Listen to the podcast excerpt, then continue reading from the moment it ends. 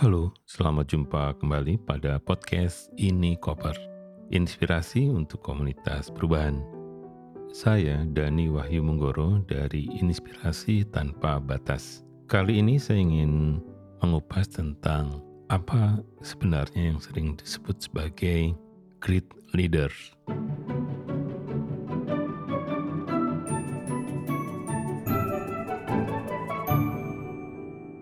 Kalau kita belajar dari Jim Collins yang menulis sebuah artikel dan juga kemudian menjadi buku tentang From Good to Great ya dari yang baik menjadi yang luar biasa. Jim Collins melakukan riset ya, yang luar biasa karena menjangkau ribuan perusahaan dan ribuan leader perusahaan pada tahun 96 dan akhirnya memutuskan dari ribuan perusahaan yang diteliti, hanya 11 perusahaan yang memiliki great leaders. Nah, dari 11 perusahaan ini, kemudian dicari apa sebenarnya yang membedakan dengan perusahaan-perusahaan lainnya. Apa yang membuat perusahaan ini tetap bisa tumbuh ya di dalam berbagai situasi.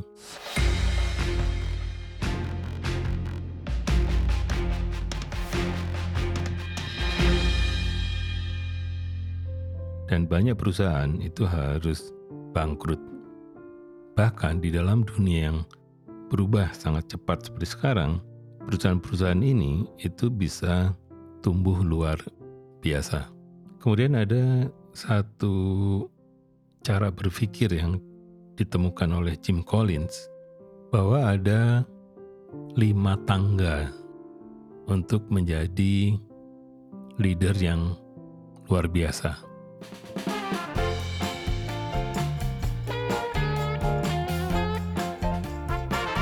Nah, kita akan mencoba belajar dari lima tangga yang dikembangkan oleh Jim Collins. Tangga yang pertama itu sering disebut ya di buku-buku yang lama yang disebut sebagai posisi sebenarnya. Di sini yang penting adalah bahwa kita sebagai sebuah pribadi itu memang memiliki kapasitas di atas rata-rata. Jadi secara kognitif atau kecerdasan kognitif itu kita memang sudah menjadi orang yang pinter gitu gitu. Orang yang luar biasa sebagai seorang individu. Jadi kalau kita bisa lulus ya dari proses ini yang kemudian lolos misalnya di dalam tes-tes masuk organisasi atau perusahaan, maka boleh jadi sebenarnya kita sudah masuk dalam level yang pertama, yaitu bahwa kita adalah orang secara individual itu memang memadai. Ya orang menyebutnya cerdas, pintar, ya kemudian punya kemampuan, dan itu yang sebenarnya dilihat oleh juga para para rekrutmen ya. Jadi yang merekrut kita bisa juga melihat hal itu. Nah di tangga yang kedua, yaitu menyebutkan bahwa individu ini, ya individu yang luar biasa ini, itu harus mampu bekerja sebagai anggota tim. Ya, kalau kita masuk sebuah organisasi, awal mula memang apa yang menjadi assignment pribadi itu menjadi yang penting kan untuk menunjukkan ke orang lain bahwa saya mampu. Gitu. Tapi pada level yang kedua adalah bukan sekedar mampu, tapi bisa menjadi bagian sebuah tim. Bagaimana kita mendukung sebuah tim mencapai tujuannya.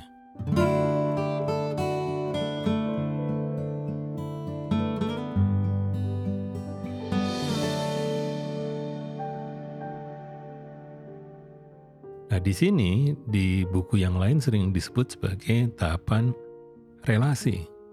Nah, di tahapan relasi ini, tugas seorang leader adalah menjadi supporter bagi timnya untuk bisa mencapai tujuan. Itu yang di level apa di level yang kedua. Jadi di sini sering disebut bahwa kecerdasan emosional menjadi penting karena kita sifatnya suportif ke tim kita. Nah, kalau kita naik lagi ke tangga yang nomor tiga, nah di tangga yang ketiga adalah bagaimana kalau kita itu mampu menjadi manajer yang kompeten. Nah, manajer yang kompeten artinya bahwa kita itu diminta sebenarnya mampu mengorganisasikan pekerjaan-pekerjaan itu menjadi efektif dan bisa mencapai tujuan-tujuan jangka pendeknya. Nah, di sini biasanya di dalam buku-buku yang lain disebut dengan tipe pemimpin yang produktif. Jadi tipe produktifnya itu adalah tipe-tipe manajerial.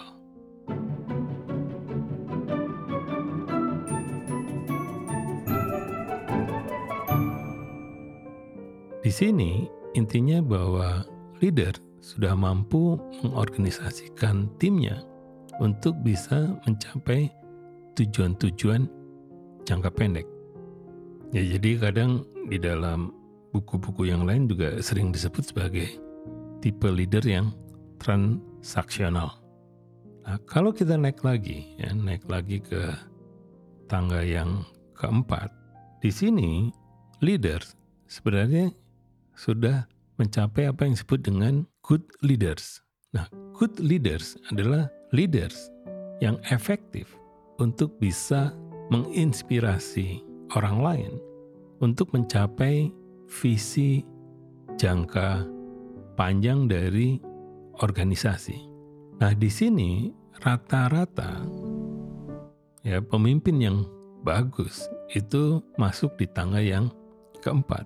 Karena di sini sering disebut juga di buku lain itu pemimpin yang sifatnya ya di di buku-buku lain yang namanya transformatif ya transformatif leadership jadi bukan sekedar berpikir manajerial, tetapi mulai berpikir visioner, berpikir jangka panjang, berpikir inovatif. Karena ketika kita membicarakan jangka panjang, maka akan ada gap antara situasi hari ini atau sistem yang ada hari ini dengan sistem baru yang ingin diciptakan. Karena itulah sering disebut sebagai pemimpin yang transformatif. Jadi bukan sekedar reform, tetapi sudah transformatif. Nah di bagian ini sebenarnya yang menarik bahwa pemimpin-pemimpin yang transformatif itu juga dikenal pemimpin-pemimpin yang fokusnya adalah pada people development. Jadi punya kemampuan untuk melakukan apa yang disebut dengan empowerment. Karena itu di sini para pemimpin-pemimpin perusahaan yang rata-rata bagus nih, maka leadersnya sering disebut sebagai leader yang ada di tangga yang keempat. Jadi seorang pemimpin yang secara efektif itu bisa memobilisasi resource-nya untuk mencapai misi dan visi organisasi. Jadi fokusnya sebenarnya tetap pada dirinya untuk mampu menjadi top leader. Nah, sekarang kita masuk ke tangga yang kelima. Nah, di tangga yang kelima itu sering disebut sebagai great leaders. Nah, kalau di di buku lain sering disebut sebagai leader yang levelnya sudah pinnacle. Itu puncaknya puncak. Nah, di di buku yang lain yang ditulis oleh Linda Heskey ya, pada tahun 2012 disebutnya sebagai pemimpin trans global. Nah, di sini isunya menjadi sangat menarik. Selain tantangannya memang baru ya, karena kita menghadapi situasi yang sangat kompleks, kemudian juga turbulensinya tinggi, kemudian juga novelty-nya itu tiap hari ada ya, selalu ada hal baru tiap hari. Kemudian juga ambigu. Nah, di dalam uh, pemimpin yang masuk ke ke grid yang apa yang grid leader yang eh, tangga kelima ini itu menjadi apa ya menjadi kebalikan dari yang tangga tangga keempat ya. Kalau di tangga keempat kan fokusnya leadernya tetap menjadi fokus tetapi semuanya untuk organisasi gitu jadi semuanya untuk tujuan-tujuan organisasi nah kalau di grid leader menurut Jim Collins ya dari 11 perusahaan dunia yang kemudian bisa masuk para CEO-nya masuk ke grid leader itu ternyata kebalikan dari yang nomor 4. Jadi sering disebut sebagai paradoks nih. Paradoksnya itu di dalam ambisinya nih. Jadi ambisinya sebenarnya adalah bahwa ambisi pribadinya itu memudar, menjadi samar. Karena semuanya itu menjadi yang menjadi fokus itu adalah orang lain. Karena itu pemimpin-pemimpin great leaders itu justru bukan tipikal yang kalau pidato itu berapi-api. Malah sebaliknya, kalau memberikan paparan atau presentasi, itu biasanya orang-orang yang masuk di dalam great leaders itu justru membicarakannya apa menyampaikan banyak hal itu dengan yang sangat-sangat humble, sangat rendah hati. Nah, di sinilah yang sebenarnya membedakan antara pemimpin yang yang efektif tadi dengan great leader ternyata yang membedakan itu adalah hal-hal yang kaitannya dengan macam yang sangat personal. Jadi memang itu sudah melekat di orang ini gitu. Ya, jadi di di sini yang menarik sebenarnya adalah justru apa ya kalau pengalaman saya kalau memang mengikuti logikanya Jim Collins itu orang itu sudah hilang kediriannya gitu. Kalau diajak ketemuan ya orang-orang seperti ini tuh sangat-sangat rendah hati. Jadi yang malu tuh kita gitu. Kenapa kita jadi sok tahu ya gitu. Dan pemimpin di Great Leaders ini di tangga kelima itu tidak segan-segan sebenarnya meminta bantuan itu. Jadi ada seorang pemimpin yang saya kenal itu bagaimana memperlakukan saya yang sebenarnya bukan siapa-siapa. Itu pada saat berkunjung ke kantornya, itu saya seperti dipersiapkan bahwa mulai dari satpam ya di di di muka atau yang menjaga kantor di depan itu sudah ditelepon untuk siap-siap menjemput saya di tangga gedung dan kemudian mendampinginya sampai ke ruang kerjanya.